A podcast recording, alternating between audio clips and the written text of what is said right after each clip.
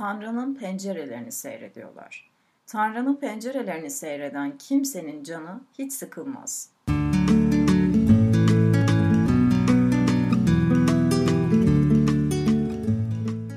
Son kez merhaba.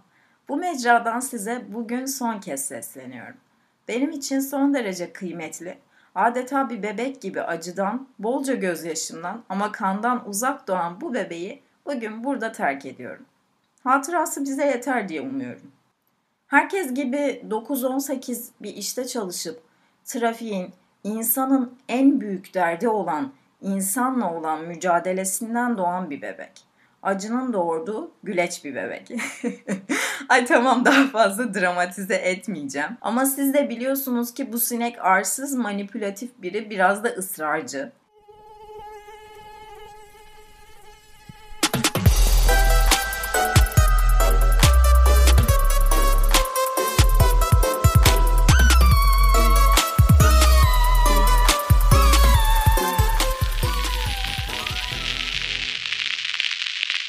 Kitaplardan konuştuğumuz bu güzel maceranın bu mecrada sonuna geldik. Bundan sonra neler mi olacak derseniz ben heyecanla bekliyorum açıkçası.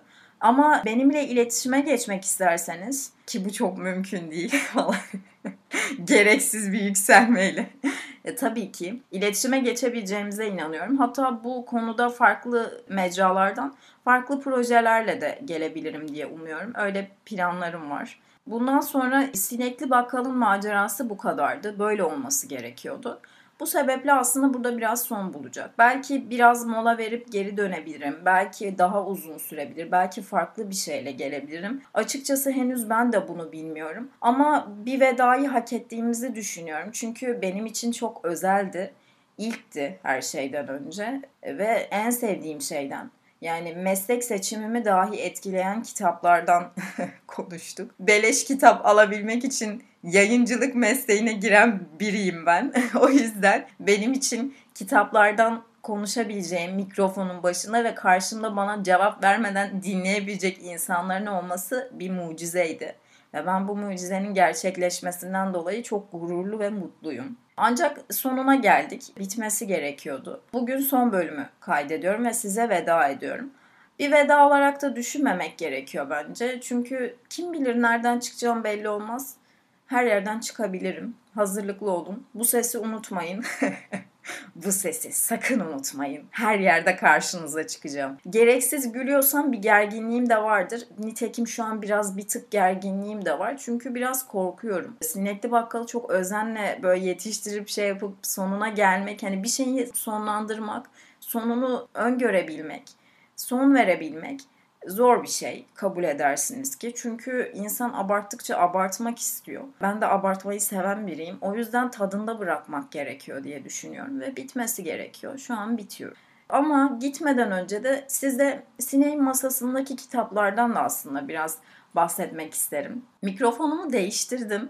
O yüzden sanırım şu an böyle bütün hareket ettiğimde dahi sesimi duyuyorsunuz. Yani ne yaptığıma dair bütün beni böyle gözünüzde canlandırabileceğiniz kadar iyi bir mikrofonum var ve ben aşırı şaşkınım şu anda. Neyse bu konuyu geçelim. Bir insan podcast bitirirken neden bir mikrofon alır derseniz B planım vardır belki öyle düşünelim. Sineğin masasındaki kitaplar. Şu an benim masamda İhsan Oktay Anar'ın Tiamat kitabı var. Ben henüz okumadım ama İhsan Oktay Anar'ın Puslu Kıtalar Atlası'nı çok severek okumuştum. Çok keyifle okumuştum. Kendisini zaten böyle farklı dünyalar ama böyle derinlikli dünyalar yaratmadaki ustalığı üzerine zaten konuşmak benim haddim değildir biliyorsunuz. Zaten çok sevilen bir yazar ve ilginç de bir yazar. Yani kimseye röportaj vermiyor, kitaplarıyla ilgili konuşmuyor. işini yapıyor ve işinin kendi yolunu bulmasını istiyor. Ben çok takdir ediyorum bu yönünü. Yani bir kitap yazıp her yerde konuşup bütün reklamlara çıkıp Orhan Pamuk'un Veba Geceleri bakınız örnek dipnot neden öyle yaptı hiçbir fikrim yok. Yani her yerde bu kadar kitabın PR'ının yapılması bana çok doğru gelmiyor. Ben okur olarak bu konuda duygusal bakıyorum bu mevzuya. Bu sebeple de olabilir. Profesyonel bir bakış açısı değildir, yatırım tavsiyesi değildir. Bunu da belirtmek isterim. Şimdi kitap yazıp da sinek böyle diyor diye orada burada çıkmayıp kitap satmayınca da bana beddua etmeyiniz lütfen.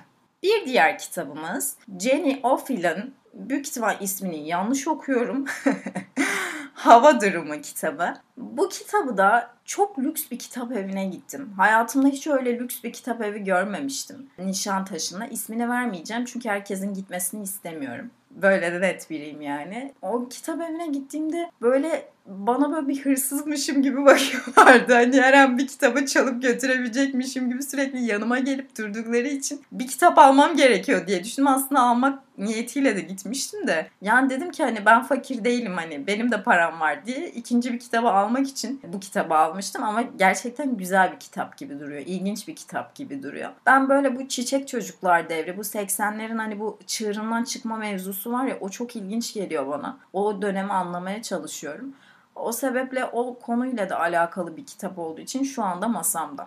Bir tane daha kitabım var. Mitomani diye bir kitap var. Bu kitap benim masamda uzun zamandır duruyor. Yani yaklaşık 6 aydır. 6 ay kadar. Bu kitabın masamda olmasının sebebi şu. Bu kitapta ilginç hikayeler var ve ben böyle belirli dönemlerde benim bir ilhama ihtiyacım olduğunda yani yeni bir şey üretmeye çalıştığımda ki bilirsiniz ben her gün yeni bir şey üreten ya hayır yani işimle de alakalı olarak ilginç şeyleri okumayı seviyorum. Tuhaf hikayeler duymayı seviyorum ve Mitomani de bize tuhaf hikayeler anlatan bir kitap. Zaten arka kapağında da şey diyor. Apple'dan IŞİD'in kampanyalarına uzanan hani böyle tuhaf zaten orada beni tavladı. Koç Üniversitesi yayınları çok güzel, çok kaliteli kitaplar basıyor bu arada ve ben gerçekten gerçekten oraya uğradığımda asla eli boş dönmüyorum. Yani bu yüzden tavsiye ederim. Mutlaka bakın. Taksim'de zaten kitap evi var. Gidip oradan bakabilirsiniz. Bir diğer kitap Palimpsest. Doğru okuyorum evet. Sarah Dillon'un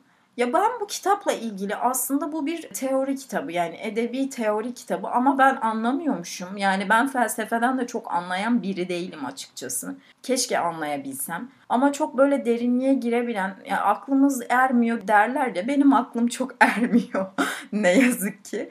Ben bu kitabı çok hevesle aldım, okudum. Palimpsest de şey demekmiş, bu eski el yazmalarının yeniden okunması üzerine bir felsefe gibi bir şey üretmişler. Ve bunun üzerinden hani böyle mesela işte Umberto Eco'nun, Ian McEwan'ın eserlerini yeniden inceliyor. Ama yani ben anlayamadım. Belki de ben çok kafamı vermedim. Bu kitabı çok şey yapamadığım için aslında içine giremediğim için gözümün önünde tutuyorum geri dönmek adına. Faydalı bir kitaptır diye umuyorum. Siz bir arka kapağını okuyup bakabilirsiniz. Bir öneri olarak düşünün. Şimdi bir diğeri. Alain de Botton'un Felsefenin Tesellisi. Ben bu kitabı üniversitedeyken okumuştum ve üniversitedeyken okuduğumda çok etkilenmiştim. Geri zekalı olduğum içindir diye umuyorum. Çünkü beynim çok gelişmediği içindir. Yani çok basit bir kitap çünkü. Evet mantık olarak iyi bu arada. Hani bir şeyi sıfırdan inşa ederek hani hikaye anlatmak, felsefe gibi zor ve derinlikli bir alanın hikaye, storytelling şeyini kullanarak insanlara yansıtmak zor bir şey. Kolay bir şey değil. Bir şey basitleştirmek zor ilk etapta. Bunu yaptığı için güzel bir kitap. Bu neden masamda bir şeyleri çalmak istediğimde bu kitabı kullanıyorum. Yani bir içerik, bir fikir aklıma gelmediğinde bu kitapla bir haşır neşir oluyorum. Anthony Storr'un Öteki Peygamberler kitabı var. Bu kitapla ilgili çok özel bir hikayem var. Çok özel de olmayabilir. Bir yaz günü modadaydım. Kimsenin bilmediğine inandığım bir kafede bir kitabı aldım. Orada vermişlerdi masada, masaya vermişlerdi. Özel bir kitap benim için o yüzden tutuyorum. Hiç okumadım ama varlığı masamda olması beni mutlu ediyor. Güzel şeyleri hatırlatıyor diyebilirim. Diğer kitaplara bakacak olursak yine Boris Groys'un Akışta diye bir kitabı var. Bu da teknoloji ve sanatın ilişkisi üzerine yazılmış bir kitap ve bence müthiş bir kitap. Bu Google'ın bizim karşımıza çıkardığı şeyler üzerine. Mesela biz bir arama yaptığımızda Google bize bir seçenek sunuyor. Onun kürasyonunu görmüş oluyoruz. Ve bunun sebebi üzerine düşünen bir kitap. Ben bu yüzden bu kitabı çok seviyorum. Ve ara ara bu kitaba dönüyorum. Bir diğeri Linda Nochlin'in Kadınlar, Sanat ve İktidar. Ben bu meseleye biraz kafayı taktığım için dönem dönem takıyorum aslında sürekli olarak değil. Bu kitaba geri dönüyorum. Yani haftada bir kez falan bu kitaptan tekrar tekrar okuduğum için aslında ince bir kitap makaleler dizisinden oluşuyor. Orada sanat ve kadınlarla ilgili ilgimi çeken yani kadınların sanatta neden sesi yüksek çıkmıyor gibi benim son derece basit bir yerden baktım. Bir kitap Önerebilirim. Güzel aslında. Gerçekten güzel. Hatta şöyle bir makale var. Zaten çok bilinen bir makale. Herkesin okuması gereken, hani bilmemiz gereken bir makale. Hemen adını da söyleyeceğim. Yanlış söylememek adına kontrol ediyorum. Neden hiç büyük sanatçı çıkmadı? Bu makaleyi mesela herkes bilir. Bu makalenin içinde yer aldığı bir kitap olduğu için okumanızı öneririm. Ve bir diğeri Albert Camus'un Sisyphos söylemi. Ben bu kitabı daha önce okudum. 2-3 kere okudum. Ama kendim yani kendimi veremediğim zamanlar oluyor. Bazen böyle okuyorsunuz ama bomboş bakıyorsunuz ya kitaba. Sadece böyle hani devam ediyorsunuz. Bu iki dönemde de aynı şekilde olduğum için ben bu kitaba yeterince odaklanamadım. Dolayısıyla bu kitaba dönmem gerekiyordu. Döndüm. Altını çizdiğim satırlara tekrar tekrar baktım. Bir kez daha okudum. Şimdi masamda olmasının sebebi de Readwise uygulamasını biliyor musunuz bilmiyorum. Bir uygulama da önermiş olayım gitmeden önce. Readwise uygulamasında altını çizdiğiniz kitaplarınızda böyle önemli gördüğünüz yerleri aslında bu Kindle tarzı e-kitaplar için daha uygun ama ben e-kitap kullanmıyorum. Daha doğrusu kullanıyorum da nadir yani. Daha çok kitabı kullanmak daha iyi geliyor bana. Böyle mesela fotoğrafını çekip direkt oradan işaretleyerek altı çizili yerleri kendinize kaydedebiliyorsunuz. Orada bir arşiv oluşturuyorsunuz ve Readwise size güncel olarak gönderiyor, hatırlatıyor, mail atıyor mesela. Ya da uygulamayı indirirseniz bildirim gönderiyor size. Böyle bir faydası var. Bir diğer kitap Aytmatov'un Dişi Kurdun Rüyaları. Bu kitap yeni elime geçti. Ben Aytmatov okumak için mental olarak daha rahat olduğum bir dönemi tercih ederim. Çünkü ağır yazıyor. Doğruya doğru şimdi severim yani. Toprak Ana falan ilginç kitaplardır. Bana hitap etmiyor ama yani kendince bir edebi olayı vardır elbette ki. Bilirsiniz ben gönlün hoş edilmesinden, gezmeden, tozmadan, eğlenceden beslenen, yalandan, dolandan beslenen biriyim. böyle şeyler beni besliyor. Bu sebeple doğruluk, dürüstlük hikayeleri falan böyle yiğitlik, mertlik bize hitap etmiyor ne yazık ki. Dediğim gibi bu kitabı tavsiye edebilirim ve açmışken de aslında bir şöyle bir bakalım Wittgenstein'in bir sözünü yazmışım Albert Camus'un kitabıma Sisyphos söyleminin içine. Ve şuna da şaşmamalı ki en derin sorunlar aslında hiç de sorun değildir. Öyle midir sizce de? Bence öyledir. Veda vakti geldi. Buraya kadar dinlediğiniz için, bu podcast'i dinlediğiniz için, takip ettiğiniz için teşekkür ederim. Gerçekten çok güzel ve özel bir maceraydı. Bunu tekrar tekrar söyleyeceğim galiba. Benim için öyleydi. Son olarak birkaç tane öneri de yapmış oldum. Bu arada ben bunlar masamda olan kitaplar ve aktif olarak okuduğum Edith Wharton'ın Keyif Evi şu an okuyorum. Bir de Suat Derviş'in biyografisi var. İtaki'den çıkan. Yazarın adını unuttum. O yüzden hatırlamıyorum. E-kitap olduğu için. Liz Behamaras olması lazım. Yanlış söylüyorsam affedersiniz. Çok kibarım bu bölüm farkında mısınız? Gereksiz bir kibarlığım var. yani aslında keyifsiz değilim ama biraz üzgünüm. Çünkü son vermek biraz hani şey oluyor. Hani kaybediyormuşum gibi ama aslında burada duruyor yani. Öyle düşünmek gerekiyor. Son olarak bir de tutunamayanları okuyorum. Tutunamayanları okumak gerçekten zor. Gerçekten zor bir kitap. Odaklanmaya çalışıyorum. Böyle iyi olduğumda okumaya çalışıyorum. Biraz ilerledim. Az kaldı ya bitecek gibi ama yani müthiş hayranım Oğuz Atay'ın bu hikaye anlatma yeteneğine. Vay be. Vay be dersiniz değil mi buradan sonrasında? Mina Urgan'ın anılarını okuyordum geçenlerde şey diyor Oğuz Atay için. Dev bir kediye benziyordu. Hani dev sarman bir kediye benziyordu diyor Oğuz Atay için. Bu hayalimde hep öyle canlandırarak tutunamayanları okuyorum. İlginç bir arkadaşının ölümünü kabul edemeyerek neler neler ne dünyalar yaratılması doğru geliyor. Akla yatkın geliyor. Uzak gelmiyor açıkçası. Bunun dışında Suat Derviş'in biyografisini okuyorum. Çünkü Fosforlu Cevriye benim en sevdiğim kitaplardan biridir. Onu da önerebilirim size. Suat Derviş müthiş bir kadın bence. Yani deli biri o da.